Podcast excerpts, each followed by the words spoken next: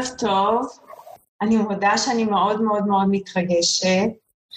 אה, לא כל פעם אני, יוצא לי לארח פה קולגות צמודות, אה, אז ערב טוב לכם. ואני שמחה לשתף אתכם שהערב מתארחות כאן בשפת האכילה שתי אורחות שהן מאוד מאוד משמעותיות לי. רוני צור וגלית אה, אלדרוטי. הן שתיהן דיאטניות קליניות, הן בוגרות תוכנית הלימודים הדו-שנתית אה, בשפת האכילה, התנהגויות האכילה ותפיסת הגוף.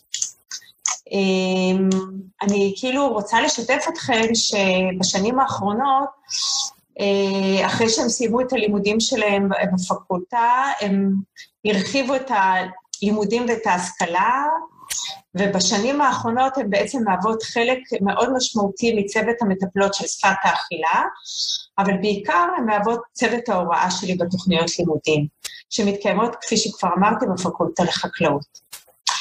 אז אני רוצה לנצל את ההזדמנות ולהודות לכם כאן, גם רוני וגם גלית, על הליווי הצמוד מקצועית ואישית, על התמיכה האדוקה בימי הקורונה עם כל המורכבות הכרוכה בזה, העזרה בלהכין את המרצים, את העזרה בלהכין את כל, ה... את כל הפירוטכניקה לפני כל מפגש זום, אז אני מאוד מאוד מעריכה ומודה. אה, שלושתנו יודעות כמה זה היה מורכב וקשה. ולפני שנגלוש לתוך הרעיון עצמו, אני רוצה להזכיר לכם שאנחנו משודרים היום גם בערוץ של אורלי וגיא, אנחנו בבית, כאן בתוך הפייסבוק.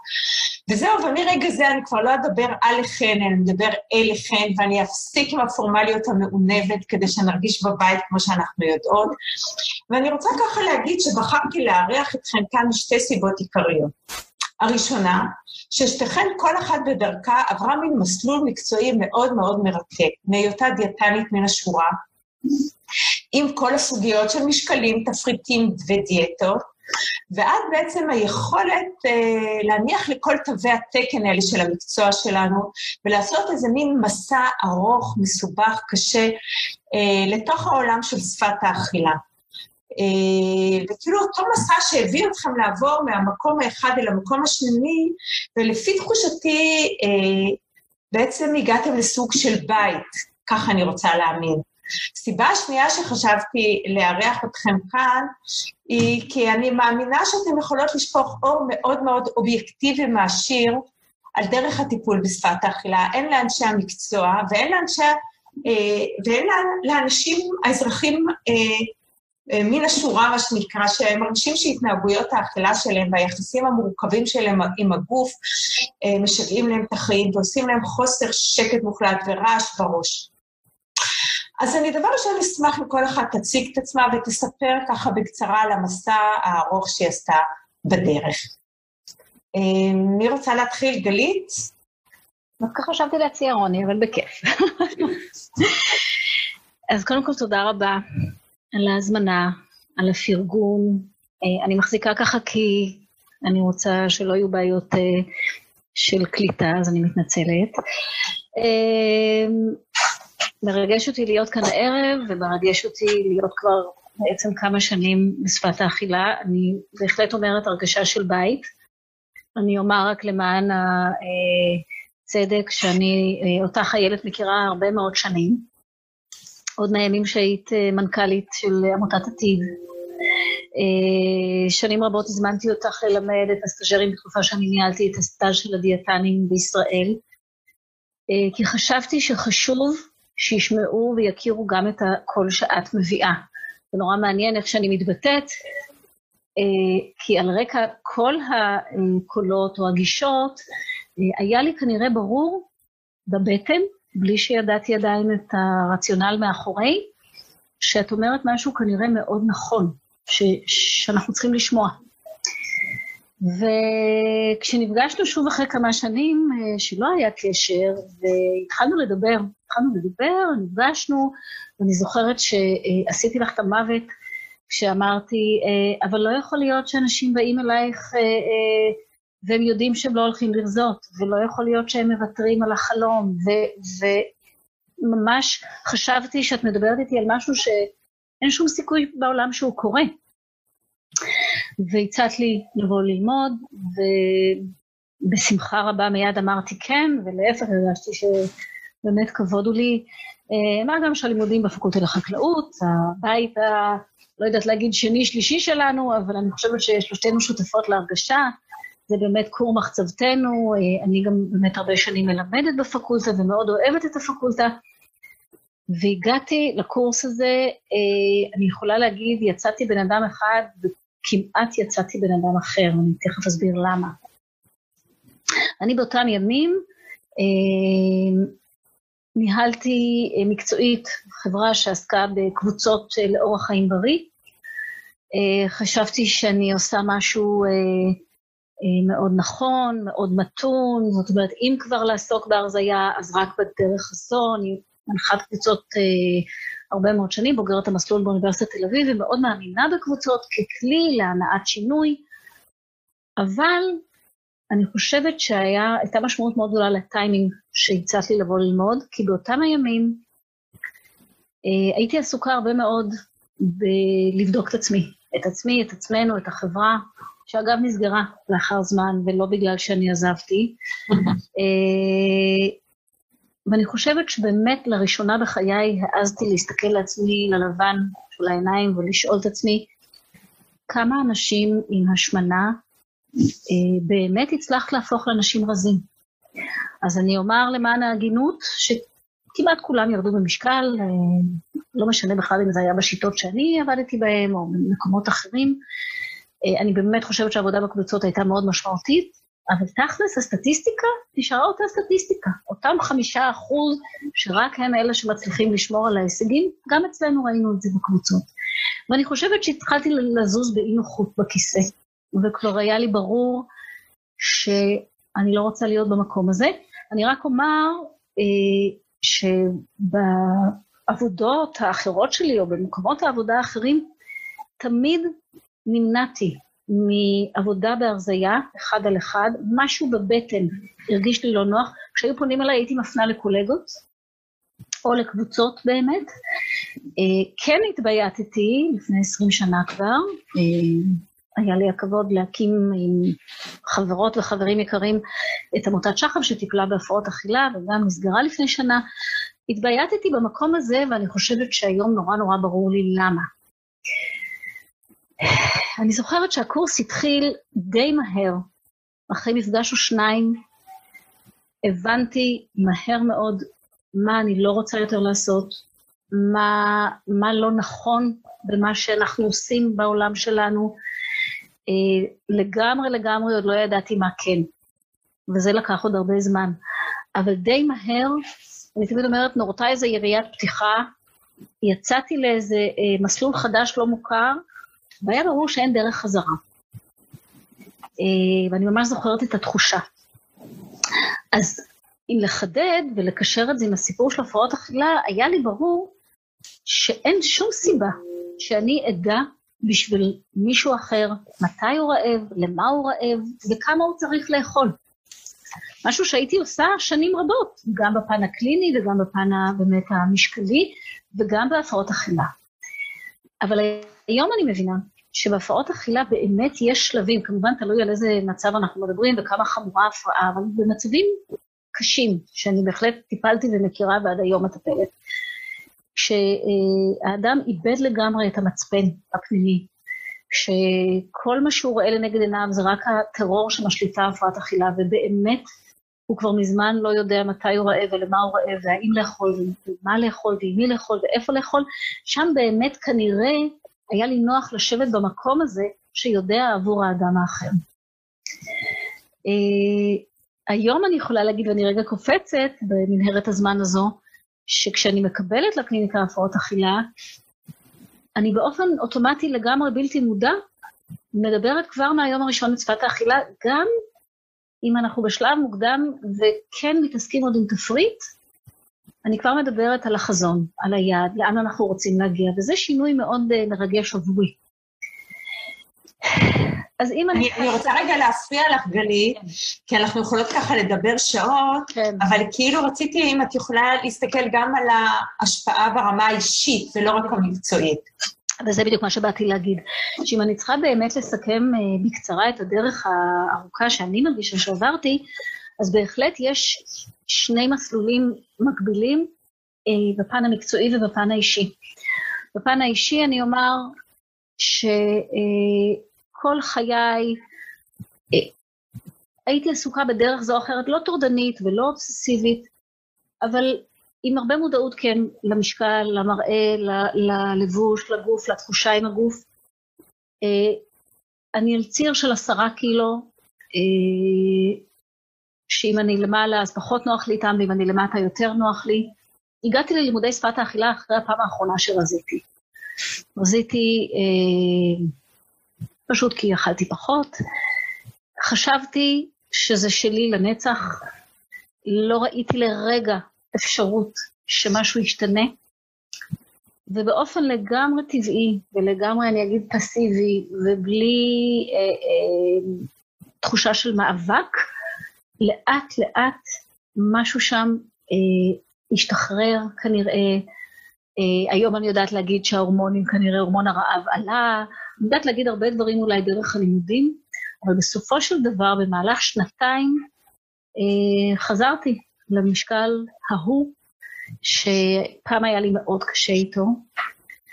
אני אשקר אם אני אומר היום שעברת לי, עבר לי ונגמלתי והכל טוב. לא, אני עדיין מעדיפה את המשקל היותר נמוך. אבל אני בהחלט, בהחלט לא עסוקה בזה כמו שהייתי עסוקה קודם. זה לא מנהל אותי, אני לא נשקלת, שזה מבחינתי שינוי. ולאט לאט אני מתחילה להשלים, ואני אומרת להשלים כי, כי זאת החוויה, שבאמת כנראה שזו המציאות, וזה אומר אה, להיפטר בארון הבגדים מבגדים קטנים שמתאימים למשקל הנמוך ולא מתאימים להיום, אה, עם תחושת השלמה, עם תחושה שאני רוצה שקט, שאני באמת מבינה מה קורה לגוף ומבינה שאין באמת פתרון, ובאמת בחירה אה, שאני לא רוצה שזה ינהל אותי. אז א', אני, אני עוצרת כאן, כי יש לנו עוד מלא שאלות ואני רוצה שנגיע אליהן. אז א', זה המקום באמת שבעיניי הוא המקום הכי מהותי, זה השקט בראש, ויצירת איזושהי שלווה שאתה כבר לא בקרב ולא במרוץ ולא נאבק כל הזמן. ואני ככה אעביר את הרמקול או את המיקרופון, יותר נכון, לרוני, ואני סקרנית לשמוע איך את רואה את הדרך שעשית, רוני. אז אני אגיד שאני ככה, גלית מחזירה אותי לאיזה חמש שנים אחורה, אה, ואני מכירה את הסיפור של גלית שכבר אז הרגישה לי, כי למדנו ביחד בשלה, ואני אשתף ואומר שאני אה, הגעתי בטעות, לשמחתי, או אולי שלא, אולי היקום שלחתי אלייך, גם אנחנו מכירות למעלה מ-20 שנה. אה, דיאטנית, גם בוגרת הפקולטה 23 שנים. אה, ומהר מאוד יצאתי לשוק הפרטי, ובניגוד לגלית שהלכה להפרעות אכילה, עיקר אה, עבודתי היה בקליניקה הפרטית אה, עם השמנה, כמובן גם עם הרבה פעמים תחלואה נלווית, אבל אנשים בעיקר באו לרדת במשקל, ואני מהר מאוד הבנתי שהידע תזונתי זה לא הדבר שיעזור לי לעשות, לעזור לאנשים לעשות שינויים התנהגותיים, ובעצם 20 שנה למדתי כל תחום טיפול, ייעוץ, NLP, טיפול משפחתי, CBT, coaching, את ה-MA עשיתי בהנחיית קבוצות בשילוב אמנויות. חיפשתי כל הזמן מה ללמוד לצד הידע התזונתי כדי לתת לאנשים כלים לעשות שינוי. ואנשים רזו אלפי קילוגרמים בשני עשורים האלה אצלי, אה, זה היה מאוד מתגמל. באמת באתי למקצוע מאיזשהו רצון לעזור לאנשים להרגיש יותר טוב ולהיות יותר בריאים, והייתי בטוחה שאני עושה אחלה עבודה. גם אנשים אמרו שאני עושה אחלה עבודה, אה, חבר הביא חבר, התפרנסתי מעולם, עד לפני שנתיים לא היה לי דף פייסבוק, לא ידעתי מה זה. אה, וכנראה הייתי באיזה אזור עיוורון, אה, ופספסתי, כן, עזרתי לאנשים, רק את הביג פיקצ'ר, שהם היו חוזרים אחרי חמש-שש שנים ואומרים, זה אשמתי, את מצוינת, את עזרת לי, אני פשוט, קרה משהו, ואני זייפתי, ואני נשברתי, ובאמת לא היה, ואני חייבת לומר שזה מרגש אותי לראות את השינוי בתקופה, כי כשאנחנו התחלנו ללמוד גלית, לא היה בחוץ הידע שב-2018, במאי 2018, הסתדרות הרופאים הכריזה על אה, השמנה שהיא לא בהכרח כשל התנהגותי, או פרופסור ג'פרי פרידמן, מומחה ככה עולמי, בעל שם עולמי, אה, שבא ונתן ככה רעיון שנה שעברה גדול, שבא ואומר שזו אשליה אם אנחנו חושבים שעל ידי אסטרטגיות שינוי התנהגות אפשר להרזות אנשים לאורך זמן. לא היה ידע שהיה נגיש גם לאוכלוסייה, וגם לי כדיאטנית. ואני הגעתי במקרה כי שמעתי על גישת האקט, ה-acceptance commitment therapy, ואני זוכרת את היום שהרמתי טלפון לאיילת, ושאלתי אותך אם את שמעת על הדבר הזה ואיפה אפשר ללמוד. אה, והילד ככה צחקה ואומרת, אה, אז תבואי לתוכנית שלי. ואני עבדתי אז אה, כבר עשור אפרוץ', זאת אומרת, אני חייתי בטוחה שאני דיאטנית ככה מתקדמת, שלא עושה דיאטות רסטריקטיביות ועובדת על הפן הרגשי וההתנהגותי. לא הייתי ככה עסוקה בתפריטים וכל השיטות דיאטה היותר נוקשות. ושאלתי אותה עוד ככה בתמימות, תגידי, יש לך מה לחדש לי? הייתי בטוחה שאני אה, באמת ב... בכל החלק הנפשי, הפסיכולוגי, באמת במקומות הכי מתקדמים. והילד אמרה לי, אני לא יודעת, אה, תנסי, אז באתי. אה, ועבורי זו הייתה רעידת אדמה, גם אישית וגם מקצועית. בעצם תוך כמה חודשים הרגשתי שנשמטה לי הקרקע, האמיתות שלי מהבית באוניברסיטה העברית שגדלתי, אה, שמדברת על אה, מה גורם להשמנה ואיך מרזים אנשים ומה משפר בריאות. פשוט התמוטטו אחת-אחת. היה לי מאוד קשה לשמוע מה המחקרים אומרים. אני זוכרת שעד שלא הגיע דוקטור דיקר כרופא, שיכל להגיד את הדברים, ממש היה לי קשה לקבל את העובדות האלה, והראש שלי התווכח איתם. והמיינד שלי ישב בשיעורים וספר את כל המטופלות שהן ההצלחה, שאני יכולה להראות לילד שיש תקווה, פשוט צריך למצוא. זה היה לי באמת משבר אישי, גם באופן אישי, בגיל 12 או 13 הלכתי לשומר המשקל, לא כי הייתי ילדה שמנה, אלא כי רציתי כמו כל בחורה ממוצעת לרזות כמה קילו בחברה שלנו כדי להרגיש טוב. ואסטרטגיית השליטה הייתה אה, משהו שאצלי נחווה כהצלחה. היה לה מחיר, אבל uh, ככה חייתי, אישית ומקצועית, וזה די עבד. אז לא יכולתי uh, לראות משהו אחר בכלל שקורה, שאני מפספסת. אז עבורי זאת הייתה טלטלה, זה היה כואב, זה היה מפחיד. מהר מאוד, uh, כשככה ראיתי את האמת נפרסת לפניי, עם הכאב, התחילו שאלות של מה אני עושה עם זה. אה, לא רק ברמה האישית איך אני חיה אחרת, חושבת אחרת, אוכלת אחרת, מתנהגת אחרת, אלא מה אני עושה במקצוע שלי, מה אני עושה, אה, איזה delivery out אני עושה לעולם בתור דיאטנית ששומעת מה אומרים המחקרים, ומבינה שזה שאני עוזרת לאנשים להרזות בהצלחה, בעצם דופק אותם, מרחיק אותם מבריאות, עוזר להם נקודתית להרגיש יותר טוב, ומכין את הגוף להשמנה הבאה, שכמובן שכשמסתכלים uh, לאמת בעיניים, והיום כשאני עושה ככה עם מטופלים שלי, ככה איזושהי היסטוריית דיאטות ומשקלים, אנחנו רואים ביחד איך כל דיאטה מתחילה עם עוד uh, קילו שניים. זה מאוד מדכא, זה מאוד כואב, זה מאוד מעורר אשם, כי אני עזרתי לרבים ממטופלים שהם גם היום, גם חלקם מטופלים שלי, שכבר uh, uh, אנחנו עושים uh, טיפול בגישת שפת האכילה. אז uh, זאת הייתה החוויה שלי. אה, אבל הכאב היה שווה כי אני מרגישה ששפת האכילה היא בית בשבילי, גם כי היא עוזרת לי באמת לעשות את מה שלשמו הגעתי למקצוע מלכתחילה, שזה באמת לעזור לאנשים לחיות חיים משמעותיים ברווחה נפשית ופיזית, לקדם בריאות במובן הרחב של המילה, ואני מרגישה שהיום זה מה שאני עושה בקליניקה. וככה אני גם חיה, וככה אני יכולה, ואולי נדבר בהמשך, איילת, על ההשפעות הרחבות מעבר להתנהגות אה. האכילה, בתפיסת הגוף. אז, אז, אז, אה, אז אני חושבת ששתיכם, אה, אולי זה לא היה בקצרה, אבל ככה נתתם תמונה למאזינים אה, על מורכבות הדרך ועל הקושי בעצם האישי והקונפליקטים המאוד מאוד גדולים שמתעוררים כתוצאה מהתהליך הזה. Uh, ואני רוצה ככה לעבור לסוגיה שאני חושבת שהיא הכי הכי משמעותית היום, זה המשקל, כי לא יעזור כלום, כולנו רוצים לרדת במשקל, כולנו רוצים להיות uh, קצת יותר רזים, ואני רוצה להתחיל דווקא בחשיפה אישית של עצמי, כי גם אני uh, הייתי שבויה של המשקל, גם אני הייתי משקלת, קודם היה לי את המשקל, אתם יודעים, המשקל הקטן הזה שליד המיטה אצל אימא שלי בחדר שינה, שהייתי נשקלת כך כשאף אחד לא נמצא שם. ואחר כך כשגדלתי והייתה לי הקליניקה, אז היה לי את המשקל עם העמוד ברזל הזה, כמו איזה נפיל מתכת בתוך הקליניקה, וגם אני חטאתי בשקילות האינסופיות האלה. אה, אני מודה שהיום הזה שהפסקתי להישקל, אני עד היום זוכרת, זה היה לפני, בתחילת ההיריון עם יעלי, אני חושבת, כלומר, כבר 24 שנים, אני חושבת שלא עליתי על המשקל, ואני זוכרת את אותו רגע שהסתכלתי על האביזר הזה, והוא היה פשוט ריק מכל משמעות. ריק. ובאותו רגע הוא הפך להיות חפץ נטול כל כוח, הוא לא הצליח לעורר בי אשם ולא פחד, אבל עם זאת, לפגוש את המטופלים כל הזמן, שבאים לרדת במשקל ואתה כבר לא מסוגל לעזור להם, זה מצב מאוד מאוד מורכב, וככה אני סקרנית לשמוע איפה זה פגש אתכם, אבל בעיקר, מה אתם אומרים למטופלים שלכם שבאים ורוצים לרדת במשקל? והם שמעו את זה מבטיח להם ואת זה מבטיח לכם, ואתם צריכות להגיד להם איזושהי מציאות, או לחשוף ביניהם, ביניהם איזושהי מציאות מאוד כואבת ומאוד קשה, ולא לספק לכאורה את הסחורה שלשמה הם באו. אז ככה, אה, מי מרגישה שהיא רוצה ככה לענות? אני ככה... תתחילי את עכשיו, רוני. אין בעיה.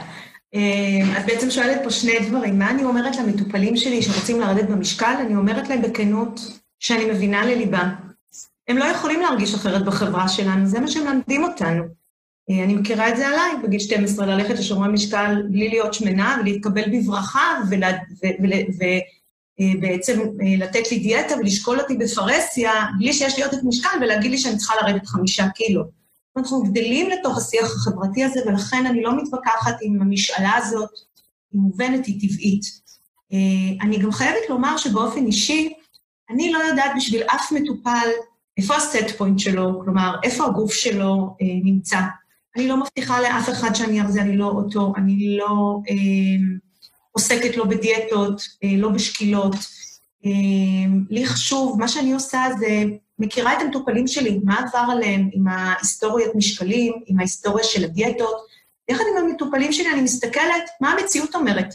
אני לא יכולה להגיד להם מה יהיה, אני יכולה להסתכל מה קורה כשהם אוחזים באותה אסטרטגיה, משקלים בוקר, צהריים, ערב, עושים כל פעם דיאטה אחרת, ובעצם המציאות מראה.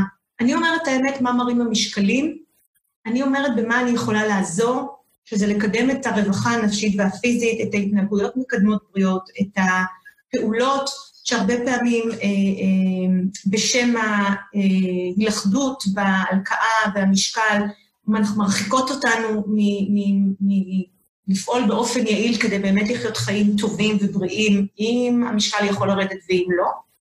ואני מתעסקת במה יש ומה, ולא במה אין. אה, והמציאות היא זאת שקובעת, לא האמירות שלי. אה, ולגבי אה, ככה, אולי...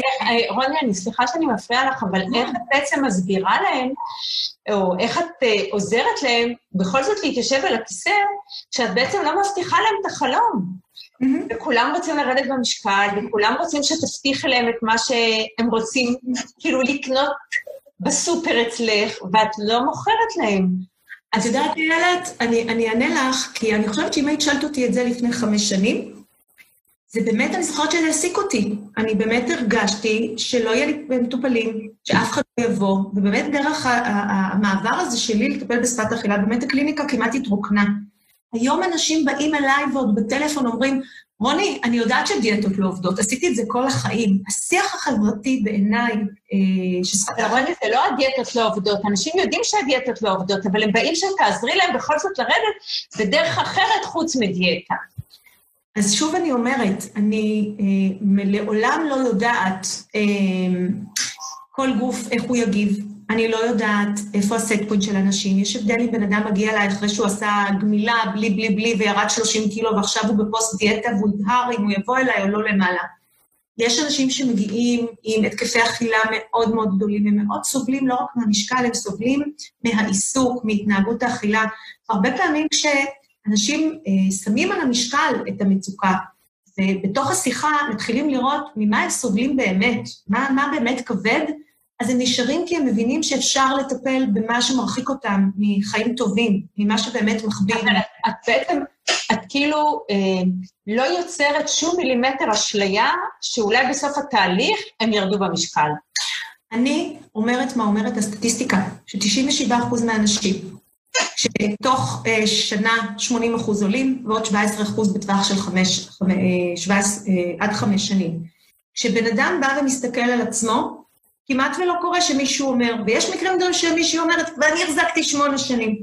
אבל יש מציאות שאומרת שהיא, לפני שהיא הגיעה אליי, היא ניסתה את זה, וניסתה את זה, וניסתה את זה, ואו שהגוף לא נותן לה לרדת, או שהיא לא מחזיקה יומיים וחצי כי כבר היא מתה מרעב ויש התקפי אכילה, אה, או שהיא אה, כל חודש עושה משהו אחר, אבל כל פעם זה נגמר בעוד שני קילו.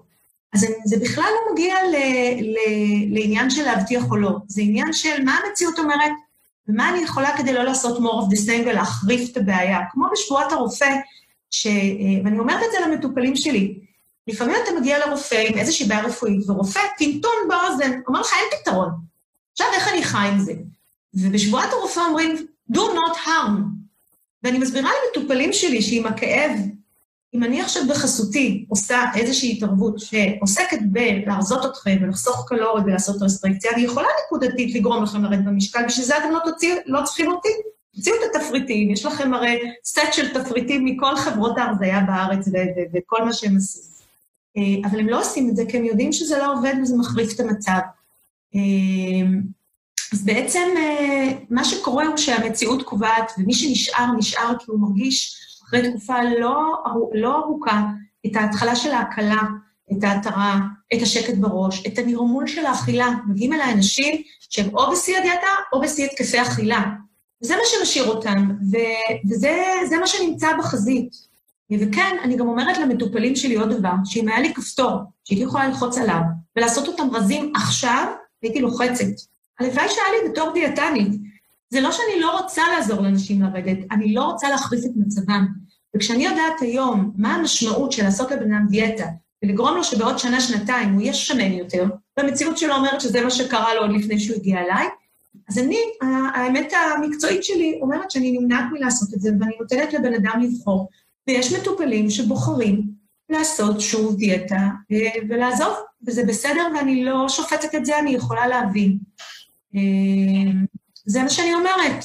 האמת, זה מביא אותי, תודה רוני, וזה מביא אותי רגע לשאלה גלית, אז איך זה שבא מטופל ואת לא שוקלת אותו? אז אה, כאילו, מה הוא מרגיש, מה את מרגישה, מה עשית עם המשקל, נשאר משקל בקליניקה? אה, אוקיי. ותנסי רגע להישאר במטופלים של שפת האכילה ולא הפרעות אכילה. לא, לא, אני לא הולכת להפרעות אכילה, אני כן רוצה אבל לומר ש... שני דברים אני רוצה לומר. א', אה, מה שאני אה, מרגישה היום שונה מאוד ממה שהרגשתי לפני שנתיים או שלוש, כשרק התחלתי לעבוד, כמובן. אני יכולה להגיד שהייתי בסוג של היסטריה אפילו. אה, שאין לי מה להציע במקום. זאת אומרת, כשסיימתי את הלימודים, בין הלימודים העיוניים לפרקטיקום, אמרתי קודם, ידעתי מצוין מה לא. הייתי שלמה עם זה, זה, זה באופן לגמרי, אפילו פיזיולוגי, היה לי קשה שמדברים סביבי על קלוריות ועל משמי לא משמי, זה שיח שאני פה שנים, ש, שאפילו גדלתי בבית כזה, כן, זאת ממש היה חלק ממני. אני, החוויה הפיזית היא מאוד קשה. אני תמיד אומרת, צורפות לי האוזניים, כי זאת התחושה.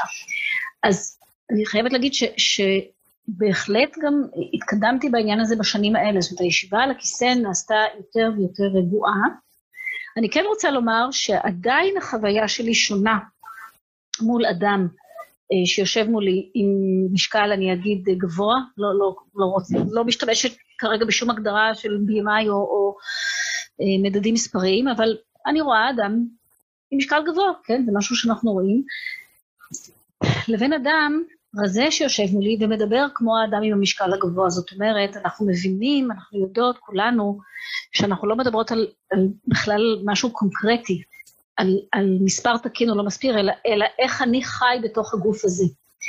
וכמובן, ואני לא אשקר ואומר שהרבה יותר נוח לי וקל לי ולא מפחיד לי כשאני יושבת מול אדם רזה, נאמר לצורך הדיון, שכל מה שאני רוצה לעשות בטיפול זה לעזור לו באמת לשקם את יחסיו עם הגוף הזה ועם האכילה, ו- ולראות את המציאות כמו שהיא ולהרגיש טוב באמת במה שיש. אני אותו דבר רוצה גם בשביל אדם עם משקל גבוה, אבל ברור לי ששם העבודה היא אחרת. Uh, לעתים מדובר באנשים עם, עם באמת משקל מאוד גבוה, שלעתים נלווית גם בעיה בריאותית. אי אפשר לברוח מזה, אי אפשר להתעלם. וכן, באופן טבעי, לא פעם אני גם מתחילה, אני, אני מגיעה למחוזות של טיפול תרופתי שלמדנו, שאני היום מתייחסת אליו אחרת ממה שהתייחסתי פעם, אה, באמת בזכות אותה הרצאה של דוקטור דיקר. אה, ולעיתים, לעיתים גם מגיע שיח על ניתוח בריאטרי? אולי. שוב, הכל תלוי מציאות. אם יש מורכבות בריאותית, אם, אם יושבת מולי בחורה בת 27, שהתחתנה לפני שלוש שנים ונורא רוצה להיכנס להיריון, אבל ה-BMI שם מאוד מאוד גבוה, ובעיות אורתופדיות, וכן אה, יש אה, שם השפעה של המשקל הגבוה על היכולת שלה להיות פוריה, אז השיח יהיה אחר. אבל גם אז, גם אם אנחנו מתחילים לדבר על אופציה של ניתוח בריאטרי כפתרון, אז ברור לשתינו שדיאטה היא לא הפתרון, היא כבר באה אליי אחרי אין סוף ניסיונות. ועם גנטיקה של השמנה במשפחה כמובן. אבל גם כדי לקבל החלטה כזו, יש לי הרבה מה לתת לה כדי להגיע לניתוח במצב הכי טוב שהיא יכולה, כדי להפיק ממנו את המקסימום. כאילו אז בואי רגע תתמקדי רגע במקום הזה של מה את בעצם תתני לה, ש... אה, שהוא מעבר ל, לעיסוק בירידת משקל או עליית משקל. אני אומר את זה בצורה מאוד מאוד ברורה, אני חושבת שהיום אני רואה את זה מאוד חד. אם בדיאטה אנחנו מדברים על מצב שהגוף בעצם מאותת ודורש את שלו, כן? מתי הוא רעב, למה הוא רעב וכמה הוא צריך לאכול, ובעצם אני, כשאני עושה דיאטה, אני מכתיבה לגוף, אני אומרת לגוף, עד כאן, רק שתי כפות, רק שלוש כפות, רק ככה ורק ככה, בעצם אחרי ניתוח קורה מצב הפוך, שהגוף מודיע כמה הוא יכול, והוא יכול הרבה פחות ממה ש... לא, אני, גלית, אני מצטערת שאני מפריעה רגע, אני לא התכוונתי למה קורה בזה, אלא כאילו יותר בעיסוק של אה, איזה עבודה טיפולית את תעשי עם המטופל, כשאת בעצם אני, אה, לא תתעסקי ב... כן, כן, כן. אני, אני מגיעה לזה. אוקיי. אני רק אסגור את המשפט לגבי הניתוח, ואני אחרי זה אחזור. פה העבודה תהיה להכין את המטופל עד כמה שאפשר יותר טוב, כדי באמת לבוא קשוב לגוף. זאת אומרת, אנחנו באמת מדברים על פיתוח של קשיבות לגוף, של להעיז בכלל מתי אני רעב, ולמה אני רעב, וכמה אני רעב. הרבה פעמים קיים שם פחד עצום לגלות, אולי בכלל זה רעב שאי אפשר להשביע אותו, אולי בכלל אני בור ללא תחתית. מי יודע אם אפשר יהיה להשביע את הרעב הזה, ומי יודע למה אני רעב, וחס וחלילה למה אני רעב. וכמובן העיסוק הוא מטאפורי, אנחנו הרי בקושי מדברות על מה אוכלים, בקושי רב, אנחנו מדברות בעיקר על איך אוכלים, איך אני ניגש לאכילה. מערכת היחסים שלי והעמדות שלי כלפי הגוף, כלפי האוכל, כלפי האכילה, עד כמה יש לי בכלל לגיטימציה להיות רעב, לא רק באוכל, בחיים בכלל, ואנחנו כמעט תמיד רואים הגבלה. זאת אומרת, זה לרוב אה, עיסוק אמנם קונקרטי באוכל, אבל מהר מאוד מתגלה שם בעצם קשר מאוד הדוק לצרכים שלי בחיים בכלל, למקום שלי, לנוכחות שלי. אה, אה, זה באמת מטאפורי, ואני חושבת שזה מה שעושה את הטיפול להרבה יותר מעניין ועשיר גם עבורי, כמטפלת. לא אוהבת את העיסוק בקלוריות ובעגבניה ובמלפפון, ואני כן רוצה להגיד מילה על המשקל. אה, הרבה פעמים זו שאלה שנשאלת כבר בשיחת הטלפון. אני, מאוד חשוב לי תמיד לדעת, כשמישהו פונה אלינו, איך הוא הגיע אלינו ומה הוא יודע עלינו. אה, ברוב המקרים, אנשים מגיעים אה, כשהם קצת כן יודעים לאן הם הגיעו, אם זה פגשו אותך בטלוויזיה, או באמת בפייסבוק, או שמעו מחבר או חברה או שכנה, יש להם מושג, הם מבינים שהם לא באים לעוד דיאטה. זה, זה אני יכולה להגיד ב-99% מהמקרים שדיברתי עד היום. אבל בסתר ליבם עדיין רוצים לרדת במשקל, כמו שכל אחד היום בחברה שלנו רוצה לרדת נכון, במשקל. נכון. וזה, ולכן אה, יש משמעות מאוד גדולה, אני קוראת לה פגישת היכרות, שאני הרבה פעמים, כשאני מרגישה שמישהו אה, באמת עוד מאוד מאוד במקום הזה, אני אומרת, בואו ניפגש פגישת היכרות. אה, אני אכיר אותך יותר טוב, אתה תשמע על הטיפול, ותחליט בסוף הפגישה אם באמת אתה מרגיש שיש לך פה מקום ודרך ובית. אה, ואני יכולה להגיד ש-99% מהפגישות הראשונות הסתיימו באמת בהתחלת טיפול, והרבה פעמים כשבאים אני רואה את המבט שמחפש את המשקל והמשקל לא פה. כן יש משקל בקליניקה, אני אגיד מוסתר לא כי אני מחביאה, אבל הוא באמת נמצא אה, בחדר אחר, מתחת לשולחן, רק למקרים שכן בכל זאת מגיעים עם הפרעות אכילה קיצוניות, עם תת משקל, ששם אני לא יכולה אה, להיות רגועה כשאני יודעת שיש סכנת חיים, אבל זה באמת שמור רק לשם. אני עוצרת פה כדי שנספיק לשאול עוד כן, שאלות, כן.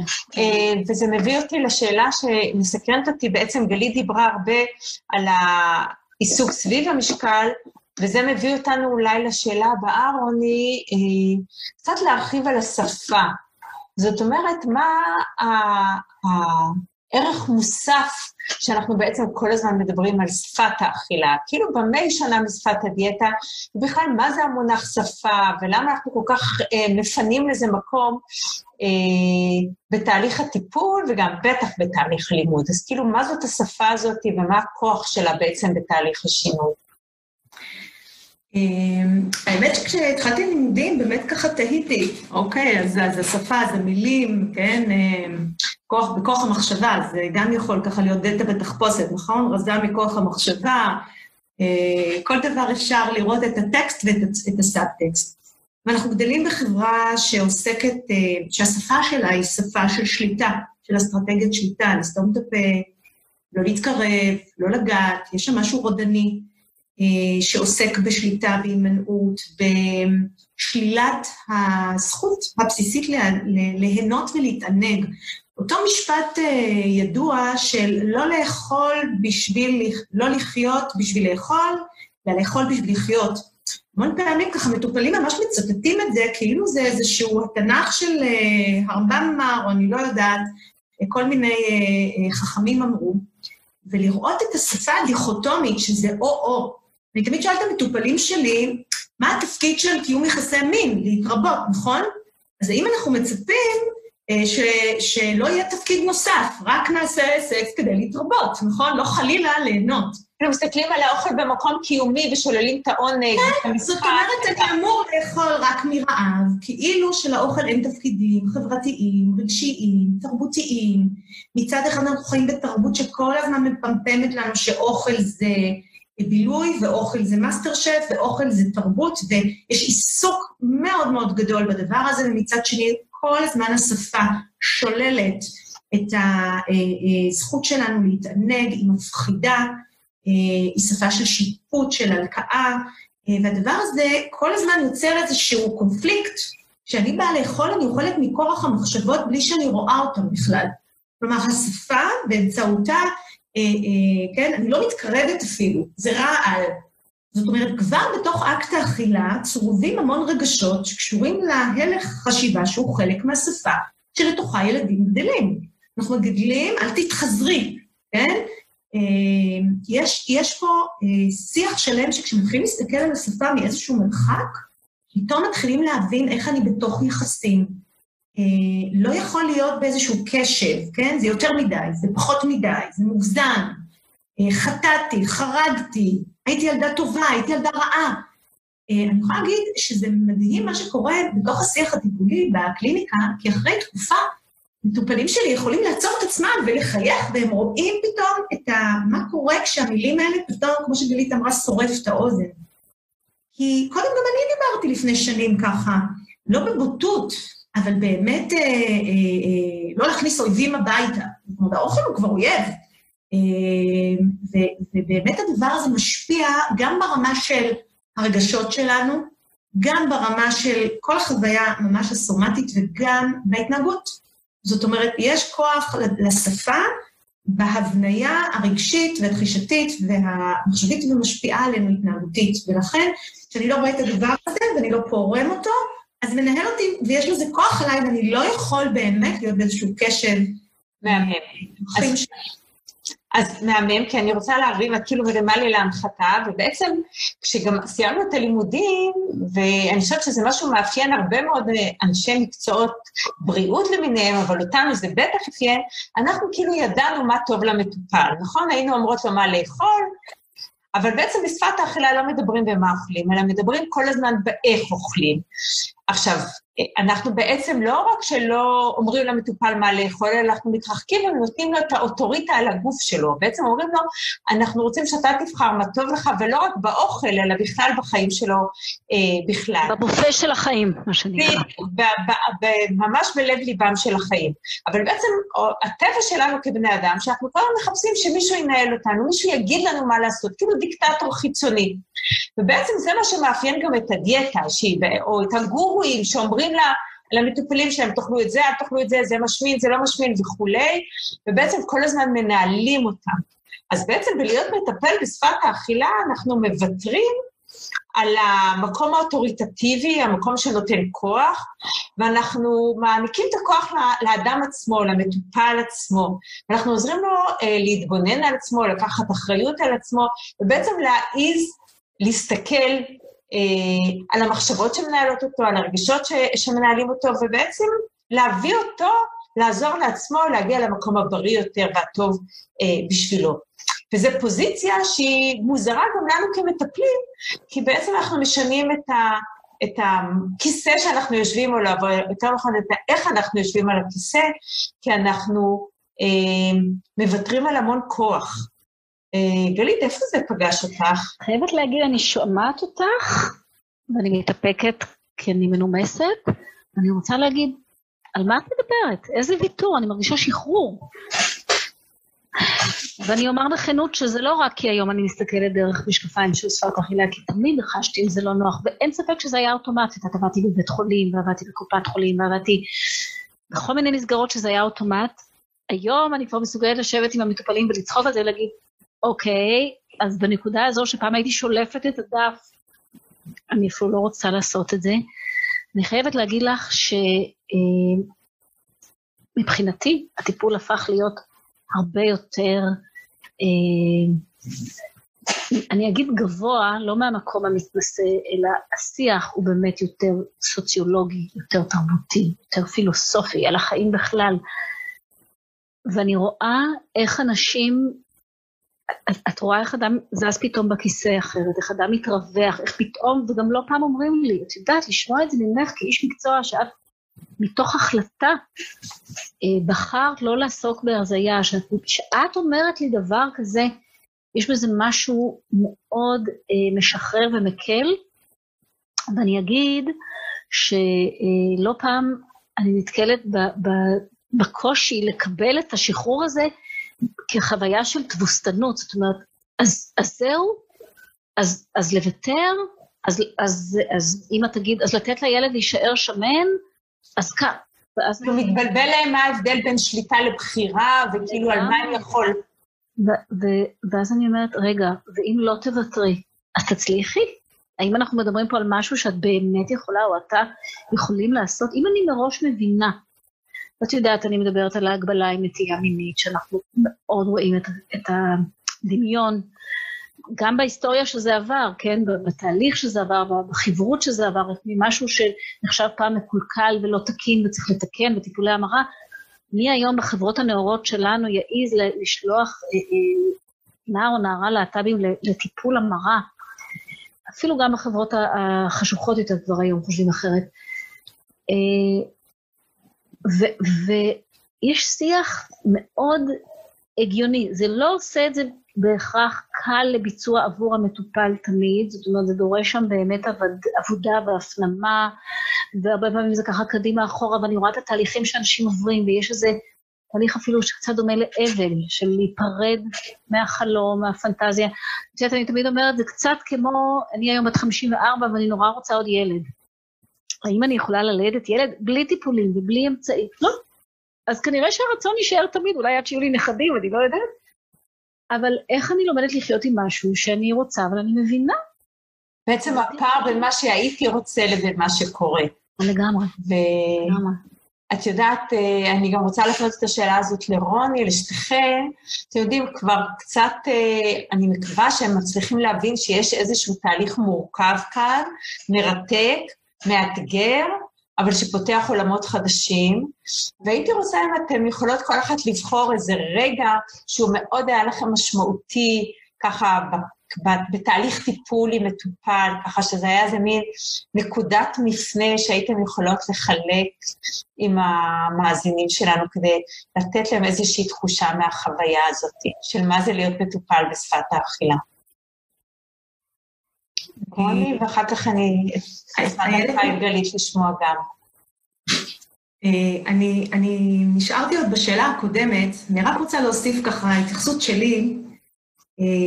ולומר שאני חייבת לומר שהחוויה העיקרית שלי אצל מטופלים שלי היא דווקא הנחת רווחה, גם אחרי שהם מבקשים שאני אגיד, בשנייה שאני מסבירה למה אני לא אומרת, יש שחרור מאוד גדול.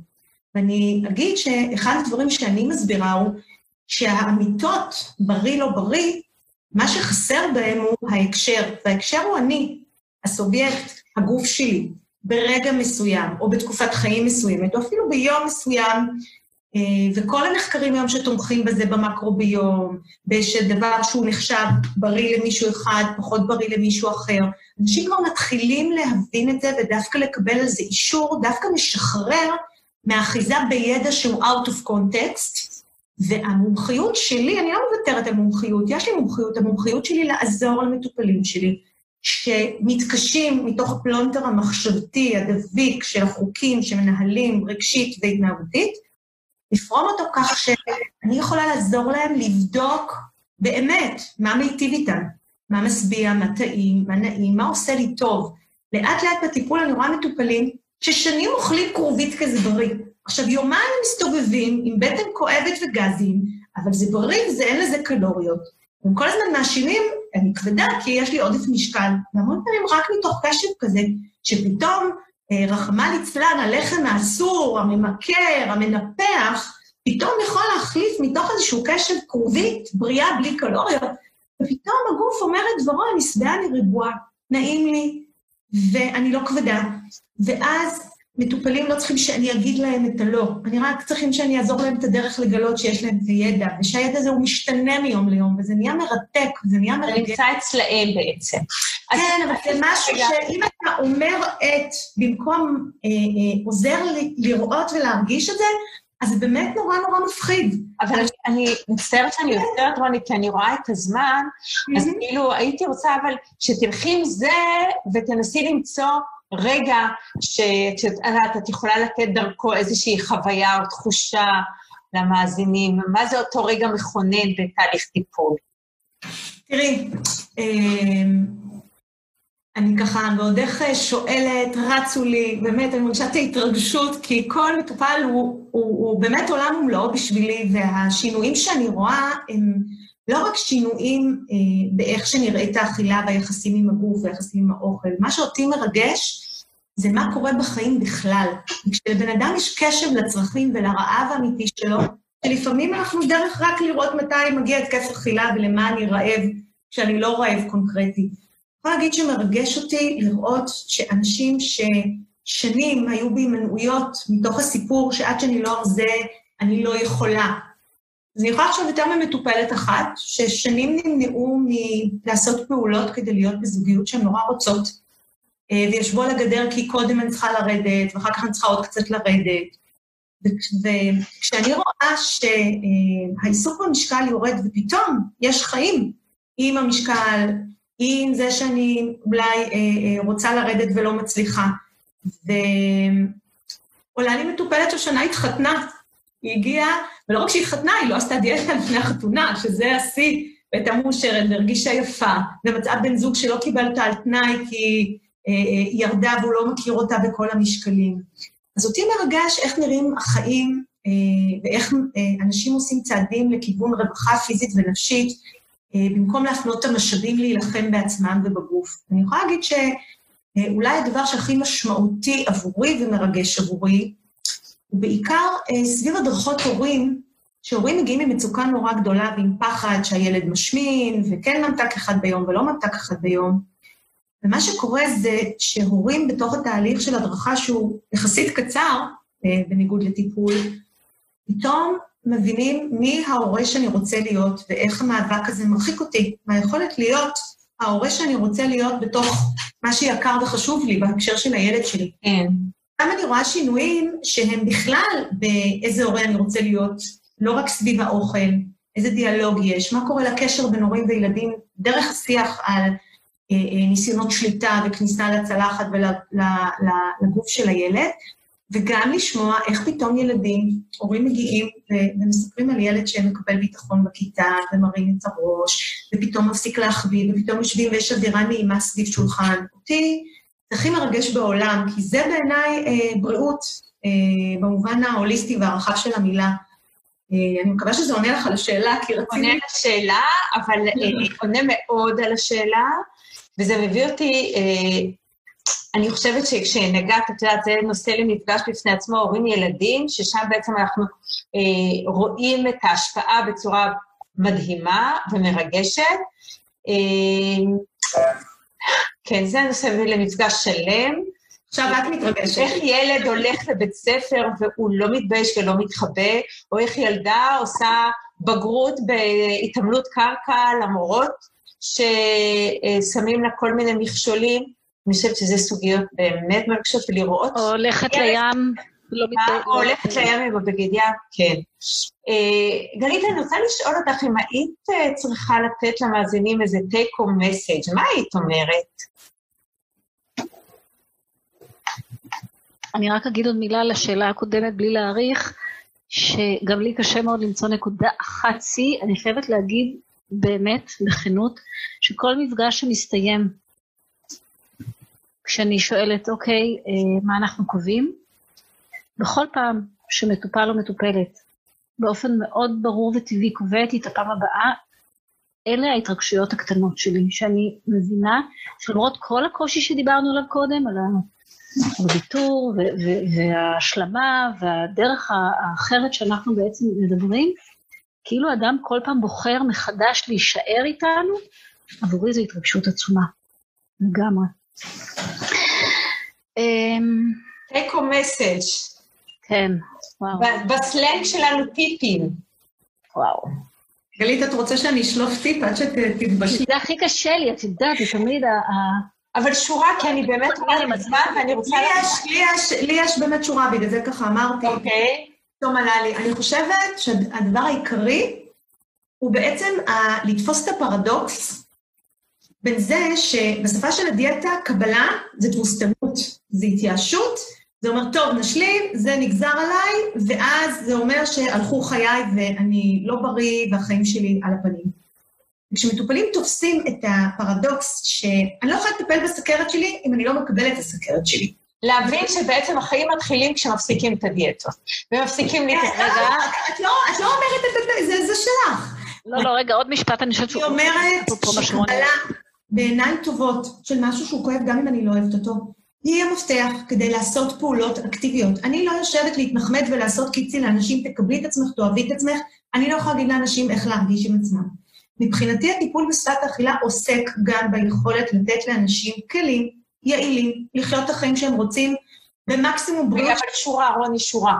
אז השורה היא שרק בעזרת קבלה. אוקיי. חמלה ועיניים טובות, אפשר לעשות פעולות שיקדמו בריאות פיזית ונפשית. זה עובד ביחד.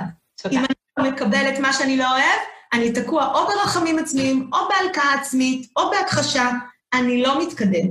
זה מה שאני אומרת, וזה פרדוקסלי, וכשתופסים את זה, זה עושה את כל השינוי. זה כל פעם מרגש אותי מחדש איך זה קורה. זה בעיניי... אה, תודה, רוני. אני חושבת על משפט אחד, שורה, ועוד, אה, כן, שורה. כן. זה להעיז להסתכל למציאות בעיניים. שזה מבחינתי כולל הכל, גם לראות את ההיסטוריה שלי, בעצם, אוקיי, זה נורא מכעיס, זה נורא מקומם, אבל מה אני למדתי על עצמי? מה אני יודע? אני לא צריכה להגיד שם כלום. כשאנחנו מסתכלים על ההיסטוריה זה מדבר בעד עצמו.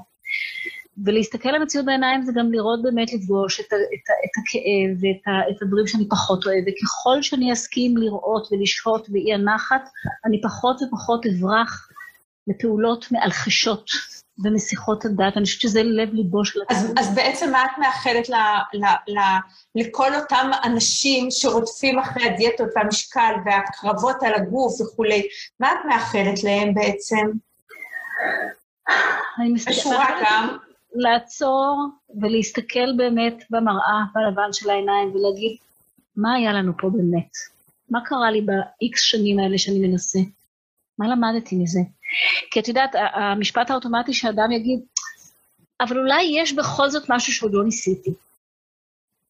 לא, לא הייתי לגמרי בסדר, לא הייתי לגמרי מושקע בתוך התהליך. זה, זה בדרך כלל המלל שאנחנו שומעים בעיקר. ואני יושבת בדרך כלל עם חיוך ואומרת, אתה כל כך נורמלי, זה כל כך אנושי מה שאתה מספר. אז אני חושבת שההעזה לפגוש את עצמי, שהיא הרבה פעמים לב ליבו של העניין, זה מה שהייתי מאחלת לאנשים. אז בעצם במילה אלו או אחרות, גם את וגם אה, רוני אומרות אה, ביס של קבלה עצמית והרבה ביסים של חמלה, ואולי שם נוכל לעזור ל, ל, ל, לאנשים להרגיש יותר בריאים ויותר מאושרים במי שהם, ולא כי ניסינו לתקן אותם או לשנות אותם, אלא כי הם פתאום מתחילים להבין שהם באמת בסדר כפי שהם. נכון. איילת, אני מתעקשת על המילה להוסיף למילים החשובות והנכונות שלך, ולהתנהג. זה לא רק להרגיש אחרת, זה קשור... להתנהל מתוך המקום הזה, אני מקבלת. כי אנשים פועלים אחרת. נכון. בהקשר למי הם רוצים להיות ואיך הם רוצים לחיות, ומתוך כך שפת אכילה מקדמת בריאות, גם אם בן אדם יכול לרדת, אבל בדיקות דם נראות אחרת. כן, והוא חי מלאים, ודואג לבריאות שלו ולגוף שלו. זה נורא נורא חשוב שהמאזינים יבינו שאנחנו לא עוסקים רק בלהרגיש טוב, אנחנו... מתוך אה, זה שאני מרגיש טוב, אני כבר מתנהל אחרת. לדאוג לעצמי. אבל הרבה פעמים התנהגות שעוסקת באיך להרגיש טוב, כן, אני אוכל עכשיו שוקולד אז אני ארגיש טוב, היא מרחיקה אותי מאיך אני, אה, מה חשוב לי ואיך אני רוצה לפעול, זה לא או-או. את צודקת שאם אני מרגיש רע כי אני מלכה את עצמי, אז הפעולות שלי הולכות להלקאה ולא לפעולות מיטיבות, את צודקת. אבל באותה נשימה אנחנו רוצים יכולת לפעמים, יחד עם זה שאני לא מרגישה טוב, לקבל את מה שלא בשליטתי ולהפנות משאבים במקום להלקאה ולהתחרבשות במלחמה. וזה אמרתי, אנחנו רוצים הרבה מאוד ביסים של חמלה עצמית. לגמרי. אני רק הוספתי את הפעולות. ההתנהגות פה היא לא משהו שאנחנו, שפת האכילה מייתרת. המון אנשים בטעות חושבים שאם אני ארגיש טוב אני לא אפעל. לא. זה בדיוק ה... לא, זה לא תבוסתנות. יהיה לי אינסנטיב לזוז קדימה. נכון, אני רוצה להגיד מילה על מוטיבציה. לרוב אנשים מגיעים אלינו אה, עם מוטיבציה מאוד גבוהה לטפל בבריאות כי הם פוחדים להיות חולים. כי ערכי הבדיקו, הכולסטרול או הסוכר בבדיקות לא טובים, או הרופא שלך, או לא משנה מה. אני חושבת שאחד הסוויצ'ים המאוד משמעותיים שאנחנו עושים זה באמת להפסיק לברוח מפני כאב, אלא רצון להשיג יותר בריאות, להרגיש יותר טוב. מה שאנחנו תמיד אומרים, במקום להילחם בחולי, בואו נעצים בחושך, בואו נעצים את האור. נכון. אז אני ממש רוצה להודות לכם, אה, רוני צור וגלית אלברוטי, שהייתם פה איתנו. אני מקווה שגם אתם נהניתם וגם המאזינים שלנו אה, קיבלו הצצה לעולם הזה שנקרא שפת האכילה. אני רוצה גם להודות לבן שלי, אלון קלטר, שכרגיל אמון מאחורי הקלעים, לאורלי וגיא שמארחים אותנו בערוץ המדהים שלהם שפתחו כאן בפייסבוק, ותודה לכם המאזינים שמלווים אותנו נאמנה. ואני רוצה להגיד לכם שהמספר שלכם הולך וגדל וזה מרגש אותי כל פעם, ולשתף אתכם שהמפגש הבא יוקדש כולו להשמנת ילדים, והאורחת שלנו תהיה דוקטור הדר מורן לב, אנדוקרינולוגית ילדים מבית החולים דנה. ערב טוב לכם.